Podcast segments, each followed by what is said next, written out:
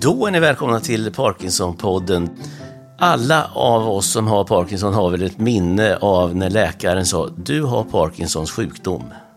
De flesta som har den här diagnosen kommer säkert ihåg exakt vad man tänkte då, eller inte tänkte. För en del blev det ju helt blankt och för en del så blir det eh, fruktansvärd upplevelse och en del bryter ihop och blir oerhört ledsna. Det jag märker är att det är många människor som hör av sig till mig och har fått sin diagnos och undrar vad händer nu egentligen? Eh, och det kan man ju fråga sig. Vad händer med jobb? Vad händer med karriär? Hur ska jag försörja mig? Och så vidare. Det här är några av de frågor vi ska prata om i dagens avsnitt. Och Kristina Darell från Laholm i Halland. Välkommen till Parkinson-podden. Tack så mycket. Hur är läget? Mm, Ja, det är väl bara upp och ner kan man väl säga. Både upp och ner? Ja, Dosklapp? ja väldigt ofta. Men eh, nej, för övrigt så är allting bra. Ja, du ser pigg ut. Ja, annars är det topp. Annars är det topp. Det är jättebra.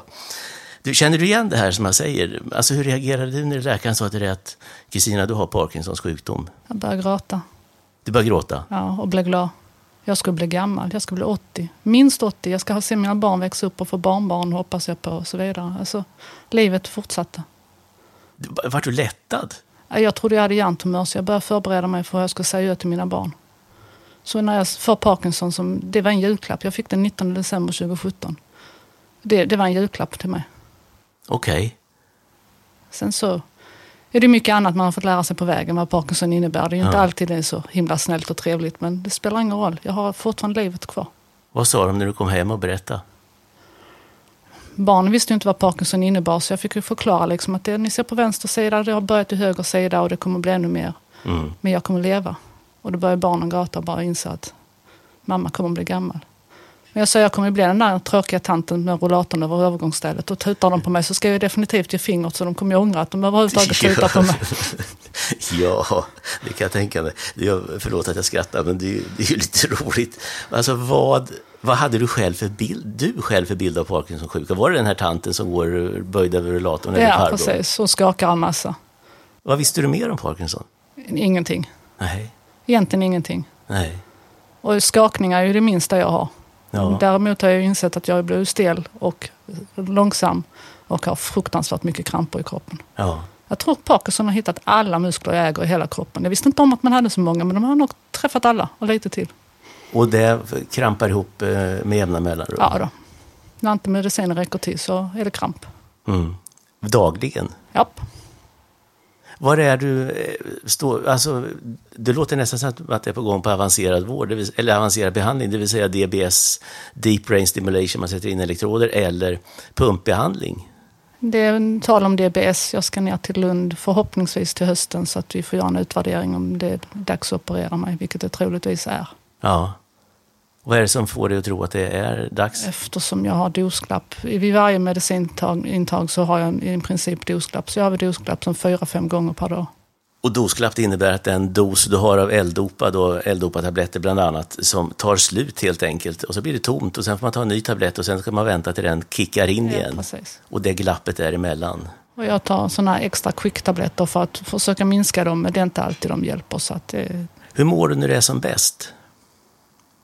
När de kickar in och det funkar? ja, men då är jag ju som om jag inte vore sjuk. Ja. Både Det- kroppsligt och själsligt. Ja, ja. Då är Ja. jag ju som jag alltid har varit.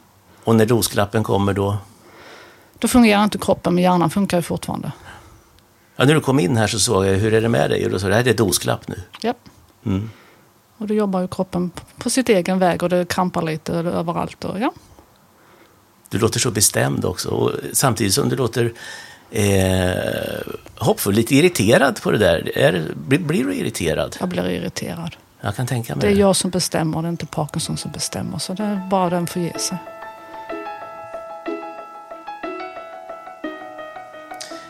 Kristina Darell är det som är hos mig idag och pratar om dosklapp, har vi pratat om här nu en hel del. Alltså när du fick din eh, diagnos, eh, hade du, hur länge hade du, hur hade du mått innan? Många har ju gått ett antal år innan eh, man får sin diagnos och tror att det är en massa andra saker. Ja, tre år ungefär har jag gått. Och då trodde man att jag hade en nerv i vänster sida eftersom vänster arm somnade på mig. Det tog tre år innan de skickade mig till rätt ställe så de kom på att det var Parkinson. Okej, fick du ligga på själv eller vad hände? Jag la väl på själv och träffade någon läkare på vägen som kom med andra symptom som jag sa, det, det, det är det inte, sa jag bara. Så vände jag mig om och gick igen. För att det, och så fortsatte jag träna. Okej. Så att, Vad ja. hade de för andra idéer att det skulle kunna vara? Ja, jag skulle operera karpattunnel för vänsterhanden, så konstigt ut. Och så sa jag, den är redan opererad och det fungerar inte på det viset. Detta är någonting helt annat. Mm. Karpaltunneln, eller mitt inne i handen. Det är det som gör att två eller tre fingrar kan somna, du har en- petlång och tum och sådär. Precis, det är en sena eller nerv som ligger i kläm i Ja. handleden. Man vidgar den. Mm. Ja.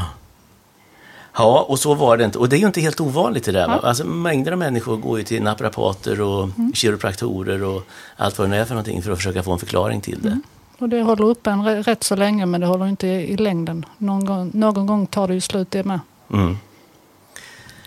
Det som är speciellt nu då med dig i det här läget, alltså du står inför en avancerad behandling förmodligen nu under hösten någon gång. Och du jobbar på Försvarsmakten här i Halmstad och nu har du blivit uppringd av någon som ville rekrytera dig till ett nytt jobb. Ja, jag har fått ett nytt jobb. Jag ska börja på ett nytt jobb. Och jag har passerat 50. Berätta om samtalet. Jag fick ett samtal som talade om att jag har hört att du är bra på SAP. Jag vill anställa dig. Vad är SAP för oss som inte Det, vet? det är ett datasystem. Just det, ett logistiksystem va? Ja, Mm. tillverkat i Tyskland på 70-talet. Där startade en gång i tiden. Och det har du jobbat med i flera år. Ja, har jag gjort sedan 2013 tror jag det. Men många som får, alltså, som jag inledde med här förut, så sa de, vad händer nu när jag har blivit sjuk? Är det, är det kört nu? Ska jag lägga ner mitt jobb? Kommer jag kunna få något nytt jobb? Kan jag få något anpassat jobb eller sådana här saker? Och du blir uppringd och rekryterad. Ja, det är andra gången jag byter jobb under tiden jag har haft Parkinson. Så att ja, det, det, nej det är inte slut bara för att man får Parkinson. Har du träffat, eller hur- rättare sagt, hur var det att träffa den här nya, han som ringde och ville rekrytera dig? Ja, jag tänkte jag kan väl träffa honom. Jag ska ju inte byta jobb. Jag trivs ju där jag är. Ju. Så när jag, jag träffar honom på hotellet då när vi bestämde liksom, och så först han säger till mig det är att jag är nervös inför att träffa dig. Var han nervös? Ja, hur säljer jag mig och mitt företag till dig? För jag vill anställa dig. Okej. Så vi satt och pratade 45 minuter och så tänkte jag, ja men magkänslan känner att det väl rätt okej men jag ska fortfarande inte byta jobb. Det var min tanke när jag gick därifrån. Vad sa han när du sa att du hade Parkinsons sjukdom? Och, Oj, det var bara och. för det är datakonsultföretag det Ja, här. ja. Mm. Så du ska ut hos kunder? Eventuellt, jag ska börja med att utbilda andra som ska ut till kunder Okej, i första hand. är väl tanken. ja. Men eh, jag sa, men det, är liksom, jo men det har jag hört och det, det är väl inga bekymmer att du har Parkinson. Så jag menar, jag ska kanske operera, vara sjukskriven i två månader. Ja, jag kan ju bryta benet och vara sjukskriven i tre månader, så vad spelar det för roll? Vad tänkte du när han sa så? För det är en ganska ovanlig inställning. Har man för sig i alla fall. Det kändes väldigt bra, det kändes Ja. väldigt tryggt. Det liksom, ja. För det är som du snuddade vid, många gånger så säger man ju att man är ute från arbetsmarknaden, man har passerat 45-50 någonstans. Då är du inte attraktiv längre. Nej. Och du har passerat 50 och du har Parkinsons sjukdom och du får ett jobberbjudande som datakonsult på ett dataföretag. Det, det, nej, det är en chans man inte får missa. Hur gick tankarna i huvudet då på kvällen sen när du skulle fundera på om du skulle ta det eller inte? nej, men jag hade bestämt mig, jag ska inte byta jobb. Och sen så två nätter senare så vaknade jag mitt i natten. Men man skulle ju kunna göra så här och sen skulle man kunna göra det. Och sen så, okej, jag ska byta jobb. Då hade hjärnan bearbetat det och känt att det här är ju det här är någonting nytt. Det här kan bli någonting kul. Det här är ju liksom en utmaning. Det här måste jag ju bara ta.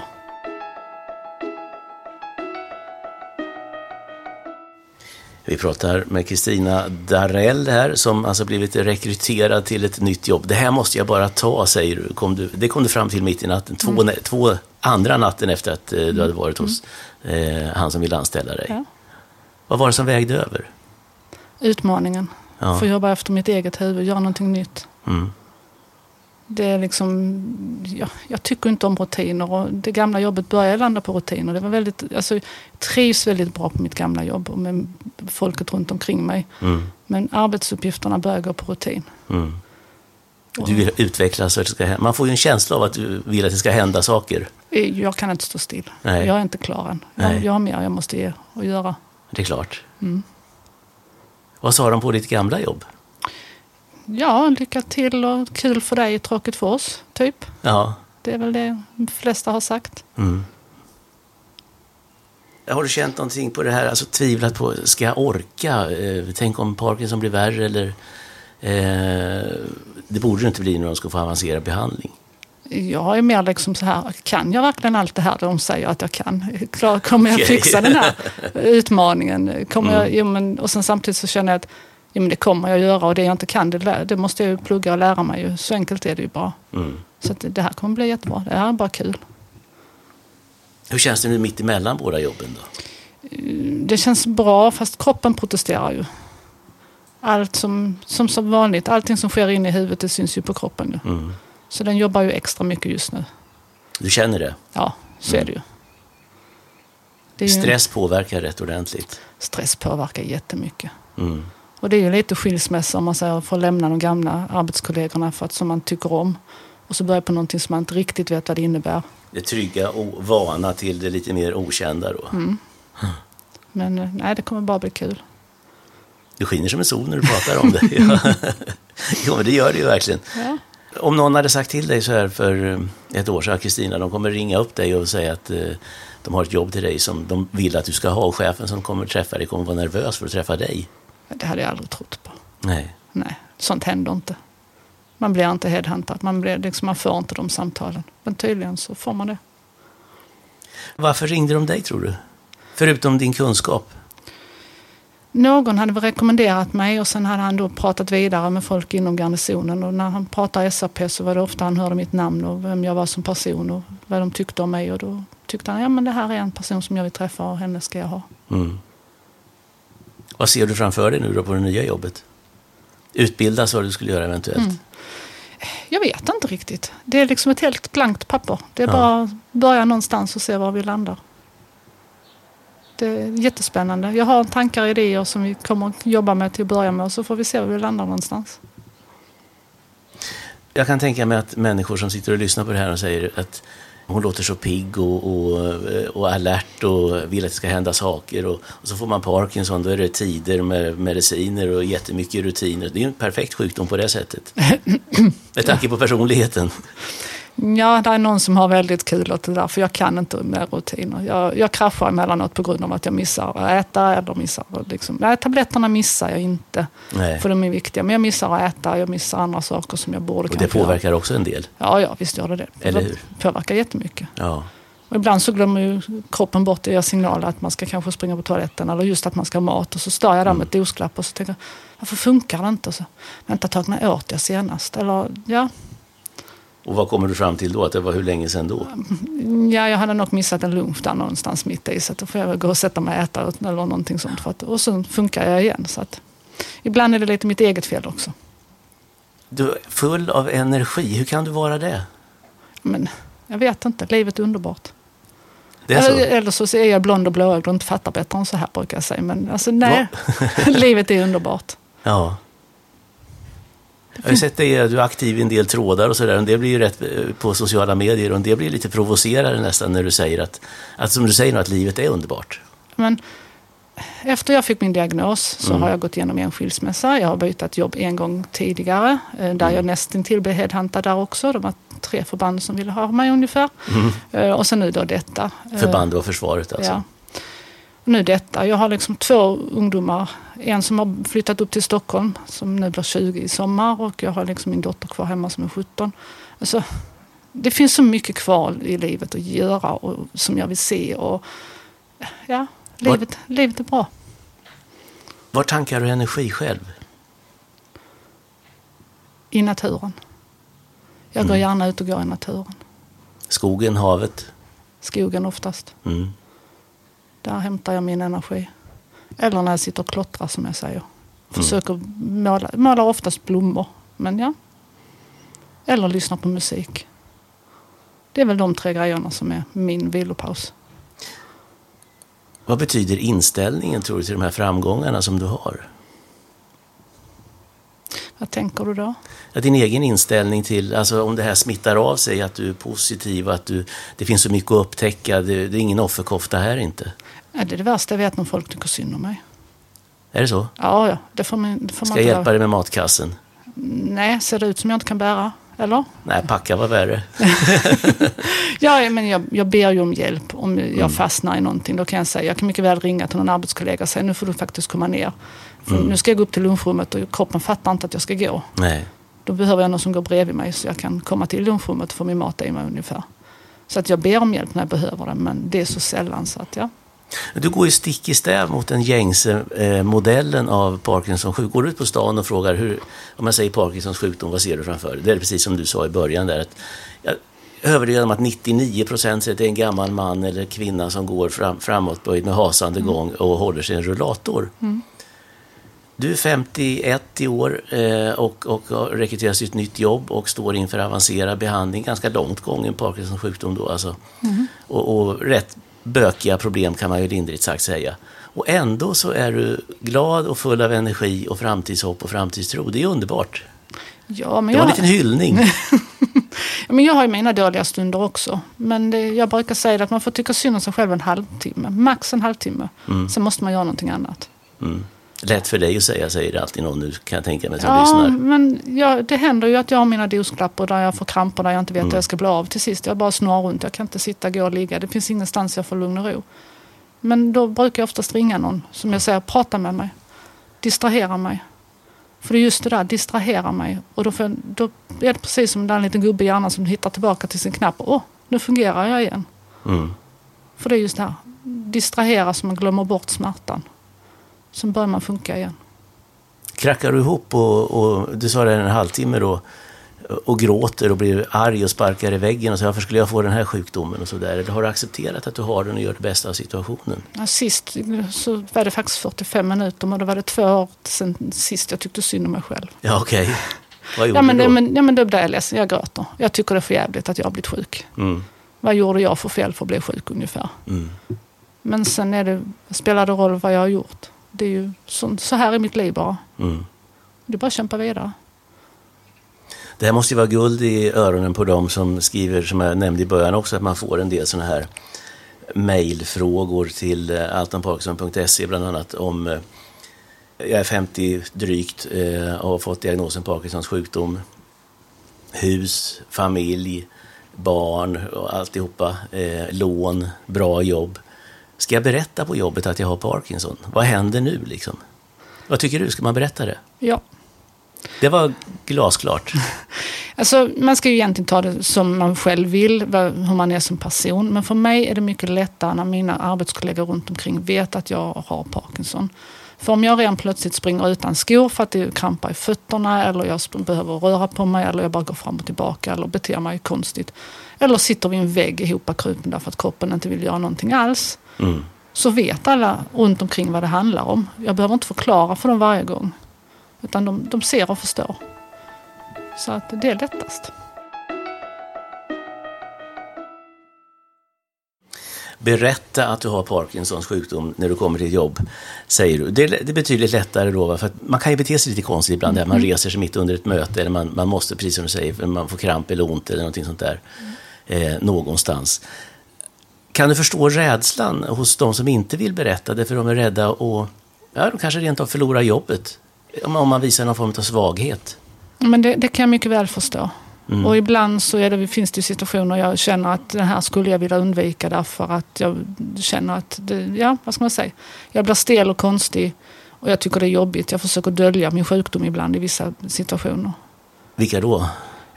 Om, man ska, om det är mycket för nytt folk. Jag behöver ju inte stå framför hundra pers och tala om att jag har Parkinson. Det är kanske inte det jag vill just där och då. Nej, nej. nej. För jag håller i en utbildning eller någonting sånt. Mm. Då kan jag tycka, då, då vill jag ju gärna dölja min sjukdom. Du är Kristina, du är inte Parkinson. Mm, precis. Mm. Så att, ja. Då, då, då, kan det vara lite jobbigt. Men de jag jobbar närmst med, de måste veta. För det är mycket lättare. Hur ska man kunna ändra den här bilden tror du? För att det, alltså det finns ju många i, i, i din ålder och min ålder, 50 och 60 eh, och yngre som, som får Parkinsons sjukdom. Är, är det en bortglömd grupp på något sätt eftersom den gängse bilden är att man är 75-80 någonstans? Ja, men det är det ju. Ja. Jag känner mig väldigt utanför i vissa situationer när man då som sagt träffas många liksom, som har Parkinson. Så sitter man så tittar man just det här att ja, men de är bara äldre. Känns ja. som att vara ute med mamma och pappa.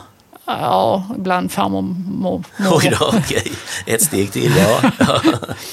Men sen är vi ju faktiskt ett gäng i Halmstad som har träffats som är i ungefär samma åldersgrupp som är Mm. faktiskt aktiva. Och det har betytt väldigt mycket. Jag skulle precis fråga dig, vad har det betytt för dig att träffa, Ja, att, att det här det- gänget träffas, det här yngre gänget? Det betyder väldigt mycket. På vilket Det- vis då? Därför, det är dels andra som också arbetar fortfarande. Man är inte ensam om att man är igång i arbetslivet. Och man ser att man fungerar. Jag är så glad för alla de som har förhållande där äktenskapet har hållit, även om den ena låg sjuk. Mm. För det gjorde inte mitt. Nej. Sprack det på att du var sjuk? Det kanske är för en privat fråga, Det var nog den sista droppen. att du blev sjuk. Ja. Då, då brast det. då blev det väldigt tydligt. Det som inte var riktigt bra innan, det blev väldigt tydligt sämre. Okej. Mm. Ja. Men det lämnar vi bakom oss. Ja, det är gången tid. Det är gången tid, ja precis.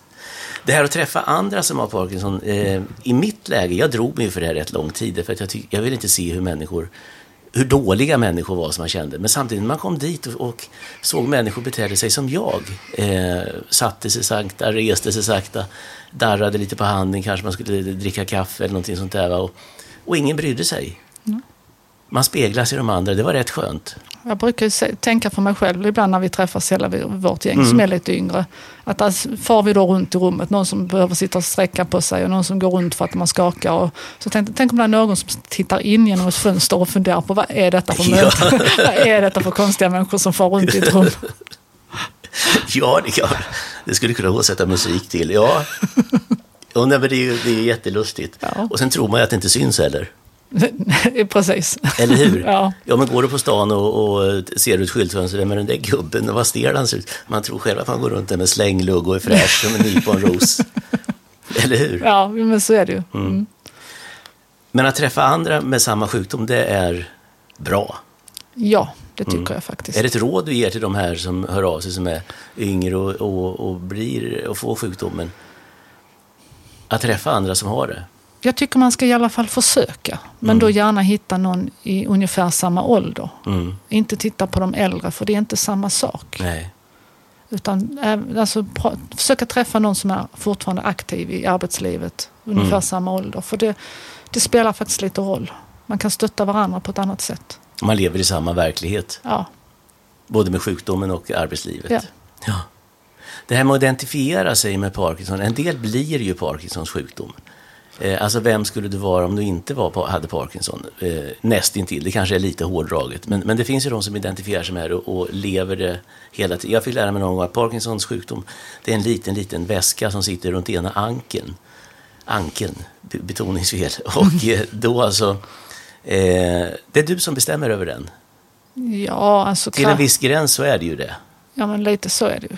Har jag kraschat en fredag eller lördag kväll, gått och lagt mig klockan åtta på kvällen därför att kroppen inte funkar. Så dagen efter på morgonen så tar jag på mig träningskläderna och så, så springer jag i backar. Och hämnas på kroppen. Ja, för det är jag som bestämmer. Ja. Fortfarande. Så att ja, När berättar du för någon ny som du träffar att du har Parkinson? det varierar väldigt. Du säger inte hej, jag heter Kristina Darell, jag har Parkinson. Nej. Det, det beror på hur mycket jag ska träffa den här personen och liksom så. så att det, är det, Arbetskollega. om det är en ny arbetskollega så, ja, andra, tredje dagen kanske. Mm. Beroende på vilket skick jag är i. Mm. Det brukar ju vara att när jag tar fram min dosa med medicin så brukar de undra, okej du äter medicin, ja då Mm. kanske man nämner varför. Mm. Vad säger de då? De flesta säger att det syns inte på mig. Nej. Alltså ni kommer se det, säger jag bara. Och det gör de ju när jag får dosklapp. Så är det ju. Ja, Och det är samma sak om man inte berättar överhuvudtaget på jobbet. Förr eller senare så kommer det, ju, så kommer det synas. Mm. Och det var en klok människa som sa också att sluta kämpa emot. Utan eh, du har Parkinson och, syns det så är det inte hela världen. Och då blir du mer avslappnad dessutom. Det blir ju en paradox det där också. Man behöver inte slita mot sin kropp hela tiden på det sättet. Om du skulle vara här om ett år igen, 27 juni 2024, eh, och så frågar jag vad jobbar du med och hur mår du? så skulle jag troligtvis säga att jag mår jättebra. Förhoppningsvis har jag opererat DBS så att kroppen är med mig också. Men ja, jag skulle fortfarande vara, livet är fantastiskt underbart. Och du jobbar Troligtvis på Skinnarings kvarn och kraft fortfarande, SKK. som konsult och utbildare på det här SAP heter det Ja, precis. Fantastiskt, jättekul att höra. Och DBS ska vi säga igen, och det är Deep Brain Stimulation. Det är alltså man sätter in elektroder i en del av hjärnan som gör att många av de här Parkinsons-symptomen ofta försvinner då. Mm. Och sen finns det pumpbehandlingar också som man kan få. Eh, så det finns många varianter. Ja. Det gör det mm. definitivt. Tack så mycket. Det, det går, tiden går fort och många ord i sekunden. Och jättetrevligt Kristina. Eh, all lycka nu med hösten och, och sommaren och alltihopa det här. Mm. Tack för att du kom hit. Tack så mycket för att jag fick komma. Och det här avsnittet av Parkinson-podden har möjliggjorts i samarbete med Abvi och Transkutan AB. Abvi och Transkutan AB har ingen påverkan på programval eller innehåll. Inge Amundsen är det som är tekniker och ett mycket bra bollplank också som man kan bolla idéer med och sen så ser han till att ljudet blir så att ni kan höra vad vi pratar om här och lägger in musik och grejer. Inge Amundsen är det alltså. Och jag heter Anders Stålhammar och eh, jag rekommenderar att gå in på altonparkinson.se. Där hittar ni alla avsnitt av poddarna. Över 60 avsnitt finns det där och där kan du också ställa frågor till våra neurologer eh, och sen kan du läsa eh, bloggare och läsa massa frågor och svar som det finns mängder av där.